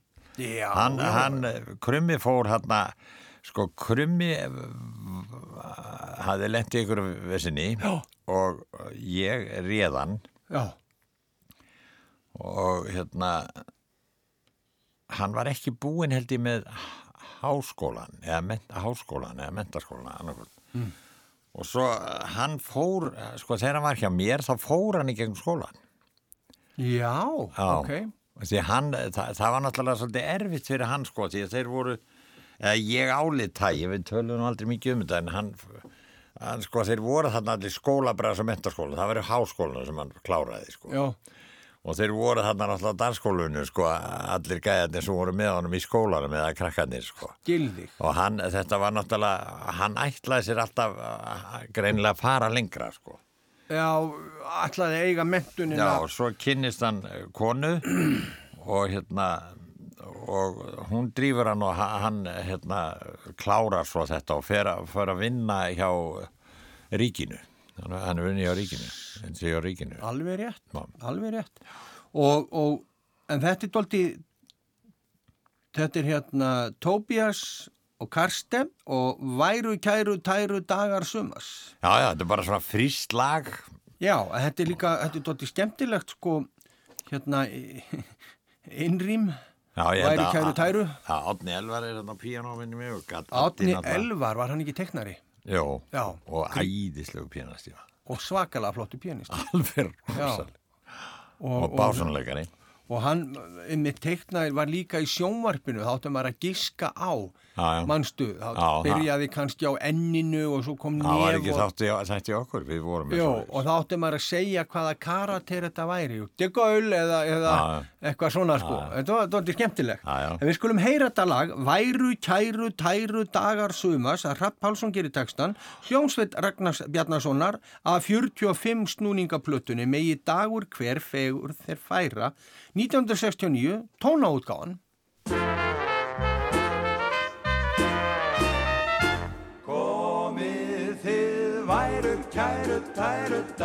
Sumars Þegar vetur langan ég hver Komið þið væru kæru tæru dagar sumars. Þegar sól og tungl og stjörnur syngja með. Aðeins láta mjöð og mat í litla skrínum Loka húsi svo af stað. Út í nautólsvík er nóg af útsýninu Enda nokkuð margar sem ekki fari í bað. Komið þið væru kæru tæru dagar sumars sem að verma hvern einasta stað. Komið þið væru kæru tæru dagar sumars og megi sumarið setjast hér að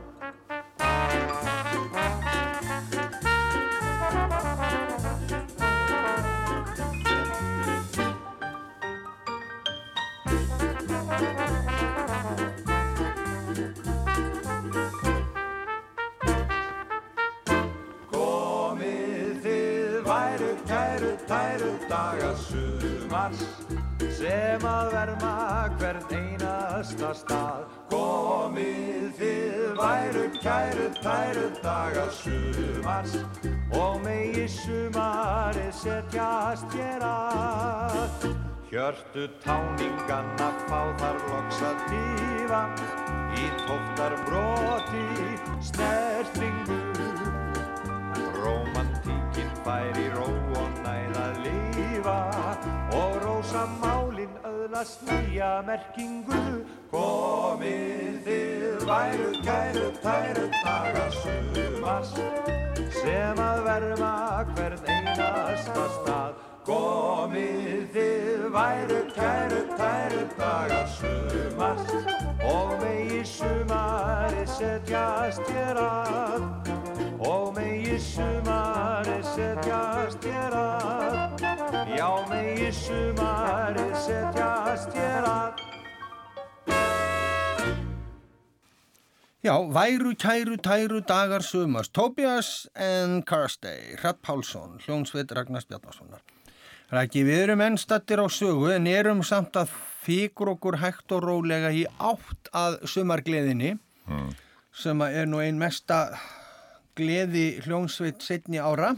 Ég get sagt þér frá einu sem að var mesta taugaviklunar hérna taugaviklunar stund mín á sö- sögunni. Það voru allir hérna það voru allir uh, fórsættisáþeirar og a- allt heila gengið Norðurlanda og- og... allt heila Já, ok, fórsetin og allt saman ok.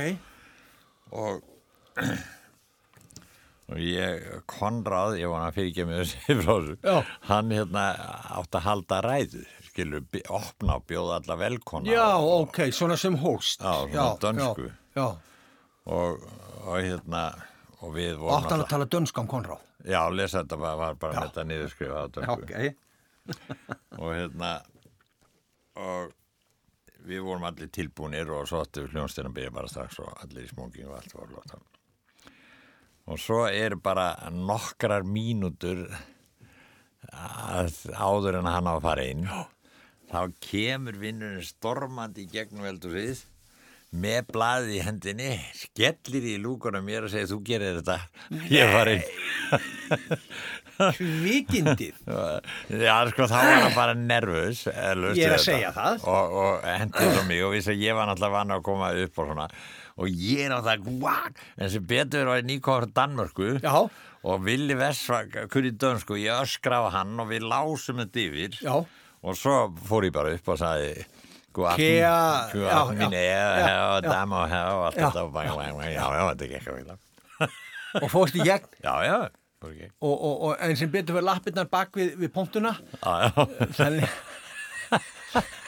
það sá engin skjált á. Maður hefur nú lent í mín þessu, maður. her og dam og allt þetta ég man ekki hvernig það var svona álög á mér í sambandi við frú. Já, Að í þau skipti sem að ég spilaði þar sem hún satt á fremsta bekk klikkaði ég í bæði skiptin.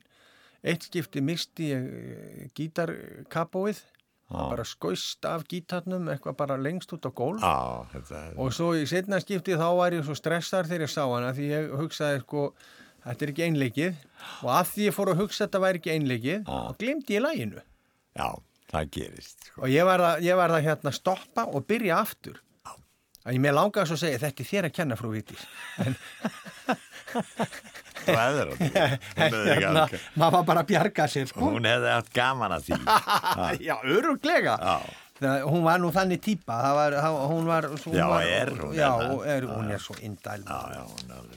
En þarna, hljónsveitir Ragnars Bjarnasonar er aða hljónsveitin og þú spilar því í gegnum, Raggi, þú spilar því í gegnum alls konar tímabil. Við erum að tala um, sko, bíla tímabili, sko, þú lendir í því auðvitað bara í, sko, í, í miðri sveiflu, það eru hljómar, dátar og, og rútofs og allt þetta.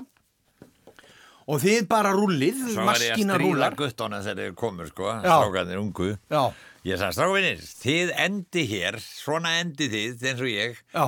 Nei, vini minn, við endur nú ekki á svona rugglut Nei, nei, sögðu þeir. En nú er það, það er náttúrulega þeirra að gána því þetta... Sumir þeirra enduðu Já, að spila fyrir dansi. Já, já, og gera enn. og, og gera enn maður. Hvað heldur þú? Já, já. Uh, en Það við erum gerist þarna. sko. auðvita. En hvernig var, hvernig var þar ekki hérna, sko, þú, þú ert þjóðþekkt persóna, þú ert í, í, í vinsalestu dansljónsveit landsins, þú ert á staðsta og flottasta skemmtista landsins Já, svo er ég kerið leifbíl. og svo keirur leigubíl sko með þú kannski kláraðir dansleikin og keirðir svo jætvel uh, kunan heim þess vegna Já, ég lendi. Ha? þetta var nú ekki eftir ég, það var þegar ég, þegar ég var með safari þegar þetta var, þá... þá gerðist það? Já, já, það gerist í mann eftir einu sinni, sko, þá, þá er ég pantaður því það var brjálað að gera, ég þurfti ekki að byrja sko fyrir nýju eða eitthvað Já, og það var náttúrulega vittlust að gera að keira mannskapin út um allt, sko, notaði fólk svo mikið leigubíl og ekki svo mikið bílum til. Og, og það var vittlust að gera, svo ég var stundum að keira bara alveg til klukkan rúmlega átta, sko. Já, og lendi því að keira fólk e- einu sinni, keira fólk vestur og sögu. Og, og þegar sá náttúrulega hver ég var ég sagði, já, ég sé ykkur bara eftir. Og svo passa, var ég að passa mig á því á, á nætuna þegar búinn að vera ekki að þvælast vestur og sögu sko að vera ekki að taka fartæfast og sögu. Já. Svo ég fór úr mikið í glömba, ég tók krakkana, þau vissi ekkert hver ég var, það voru ekkert að pæða, þau voru að kýsast bara í já. Og, og þessi vissi, ég lendi svo oft í því, sko, að vissi hver ég var, að ég ætla aldrei að losna við, sko, það Já, bara að fá sér í glas. Þannig að bara tala við. Ég veit sko. að það Þeir er og vesinn Og svo einu sinni þá er ég nýjar á ringbrönd og þar er einn maður, ég svo, ok, ég skulle þess að með mjög konur á ringbrönd. Og hann, fyrsta sem hann segi, kerðu vestur svona, sann. Er þetta ekki þú, sann? Og ég kerði þau svo heim. Nei En hérna En keirður alltaf með Ég kerði þarna fyrsta ári, ég var nú, ég var nú aldrei duglugur, ég var nú að viðkenni, ég var úttalega landu að kerlega. Já, en, en gríðaleg vinna bara í, gangi og hvað þá að bæta það á að fara að keira eftir, eftir dansleik Já, þetta var sko. svona fyrst, sko, þegar ég var að koma heim og var náttúrulega blankur og, og var að reyna að, að var að reyna að ríða komandi sér fótball Já, sem fyrst. Já, já, já, já, eðlilega og, og, og, og, og, og allt það En hérna skal ég er að segja og þetta sem sagt eru, eru hérna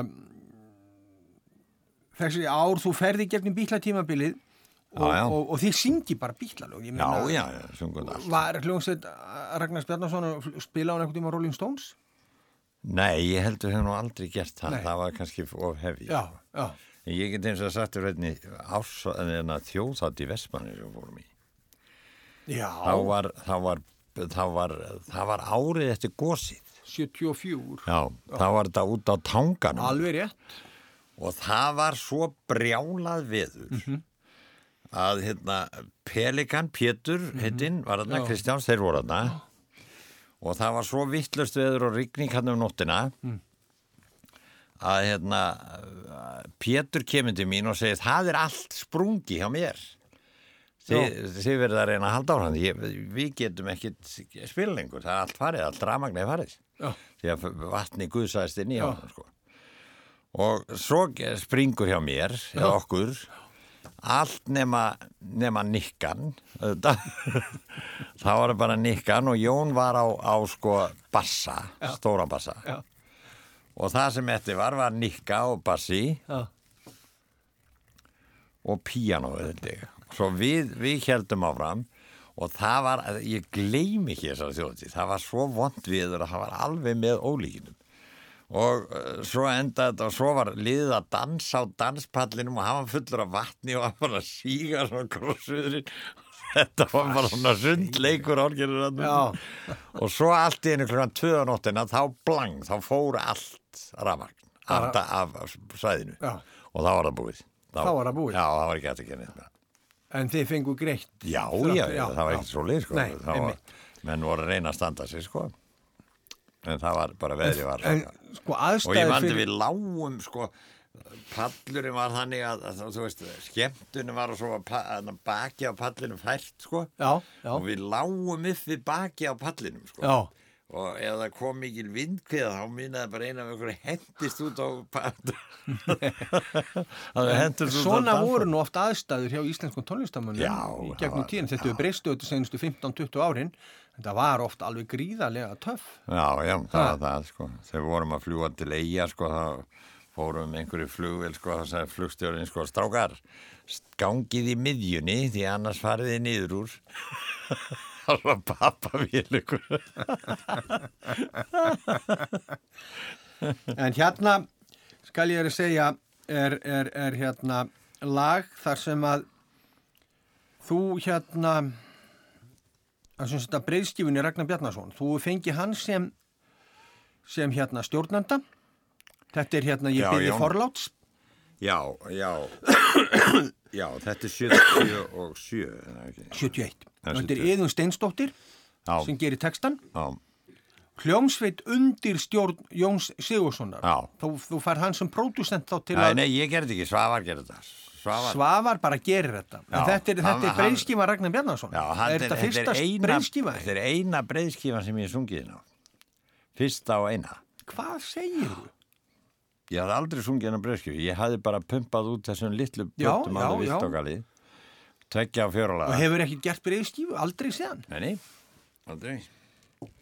Ekki nema sko diskana og það stótt allt sko. Já, já, já. En ekki á þessum tíma. Ég gerði bara þess einu. Það er mörgalegt þræl skemmtileg lögasu á þessari plötu. Já, hérna, en, en sko, þú hefur gert sétjadiska. Það ekki sungið inn á heila... Jú, jú, ég hef sungið hennar fullt af, af diskum. Já, sko, heila, heila plötu svo kallaða. Já, já, já, En já. þetta er í rauninni fyrsta, þetta er fyrsta sólóplata Ragga Bjarnar. Já, svona stór, sko. Já. Stór sólga. Tekin upp, upp, í, upp í Ármúla hjá Svavari. Já, Já. Og, og hérna, og Jón Sigursson, sagt stjórnar, já, já. Útsetti og sáum þetta. og það er Svavar Gekk sem gefur þetta út. Þetta lag heitir Ég byði forláts, mannst eftir þessu lagi? Já. Hvernig, hvernig var það, hvað, hva, mannstu Ég- hvað voru lengi að taka þetta upp? Nei, var þetta ekki einn dagur eitthvað? Já, hugsaði þér. Svona gerðust. Já, nei, þetta, ég, já, já, þetta var bara einn eftirmyndagur. Þetta var einn eftirmyndag, ég maður núna. Það var einn Breiðskífan? eftir- Já, Það var ekkert verið að, að, að, að, þvæla. nei, nei, það var ekkert verið að það var búið að taka alla músíkinu upp. Það var búið að taka upp alla músíkina, Já, og þú lappar inn, Já, setur á því Já, headphone-in var í svona klukkutíma að pæli þeim og svo bara gegn með það. Var bara svona. og svo bara talning. Já, og inn með það, út með það. Já. Búið. Og það tókst vel, maður hlustaði svo, svo, svo ef maður var ánæður, þá, þá, því það er hérna gamla reglan, það fyrsta er oftast best. í nýja hverjum tíu. Já. Já, það er bara starrinn. Þú skulum heyra þetta lag, ég byrði forláts. Ok.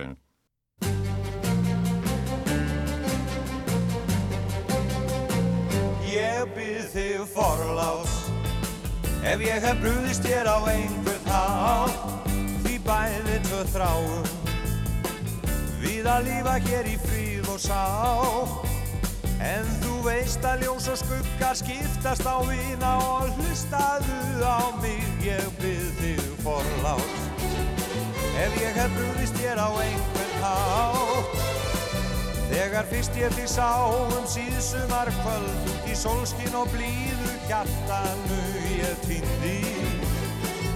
Og mitt tröst þér ég síndi síðan alltaf við höfum unað best tvö ég hef oft lesið svör við ráðgátunum mínum. Út úr augunum þínum.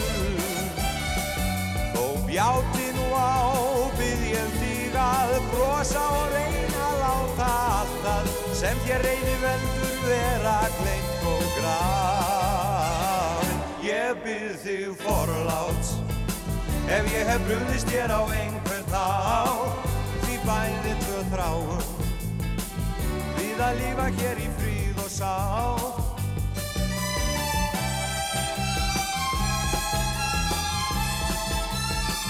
Ég byrð þig forláts Ef ég hef brúðist þér á einhvern þá Manstu kvöldin í vetur, kýrlát og laung er við kurðum á meðan tunglið innum gluggan sendi geislinn í skuggan eða daginn í vor er gengum við glöð út í grænkandi tún og blómið lifta sáum.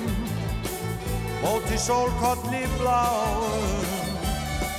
Þó bjáti nú á, byrð ég þig að brosa og reyna að láta allt það sem þér reyni veldur vera grafið. Ég byrð þig forláts ef ég hef brúðist þér á einhvern hátt, því bæði tvö þráum. Við að lífa hér í fríð og sátt, ég byrð þig forláts ef ég hef brúðist þér á einhvern hátt. Já, ég byrði forláts og það er tvennu skilningi, lægið heiti það og svo rækki minn, það er nú bara þannig að ég byrði forláts, þú ert ekki þryggja þáttamaður, þú ert fjóra þáttamaður og það er algjörlega komið í ljós að við þurfum eitt þátti viðbót til þess að klára hérna sumagliðina og ferilinn bara fram á daginn í dag.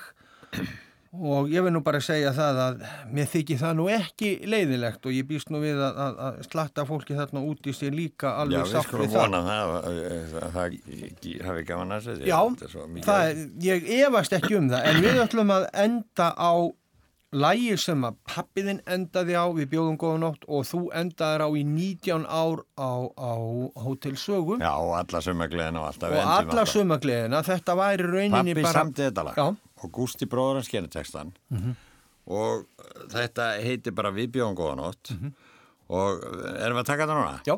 Og þá hérna ætla ég að gera smá grín sko, eða svona, ég ætla að enda læt, við lækkum aðeins millikablan og ég hveð eins og við gerðum hérna bara í sumagleðinu á sögu Það bara getur ekki verið betur til fallið og, og, og hérna hlustandi góðir, við þökkum ykkur fyrir samfélgin í kvöld og, og við heyrumst næsta mánudag og þá förum við yfir sömagleðina og ferilinn fram á daginn í dag en hérna kemur lægið við bjóðum góða nótt og Ragnar Bjarnarsson.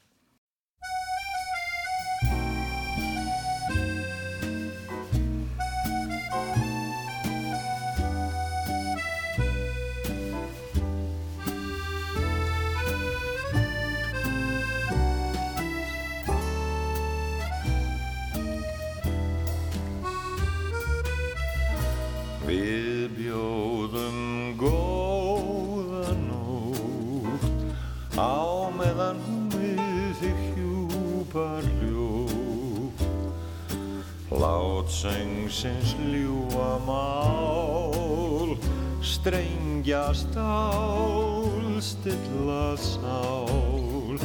Látsöngsins endur óm Yrkja í hjartanu fögur blóm. Það skapa lífinu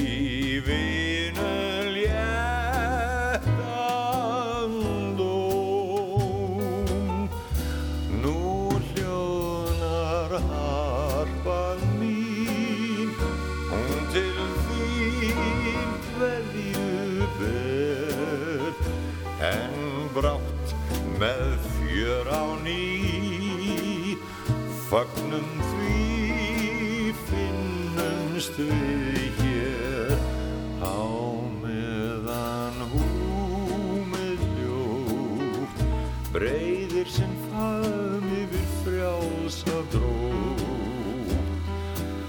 Við bjóðum öllum, öllum góðan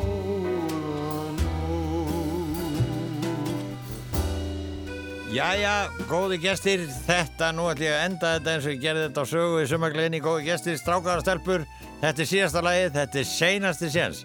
Ég þökkum ykkur öllum fyrir komuna og vonið hafi skemmt ykkur sem allra, allra best og við sjáum ykkur öll næstu helgi. Góða nótt!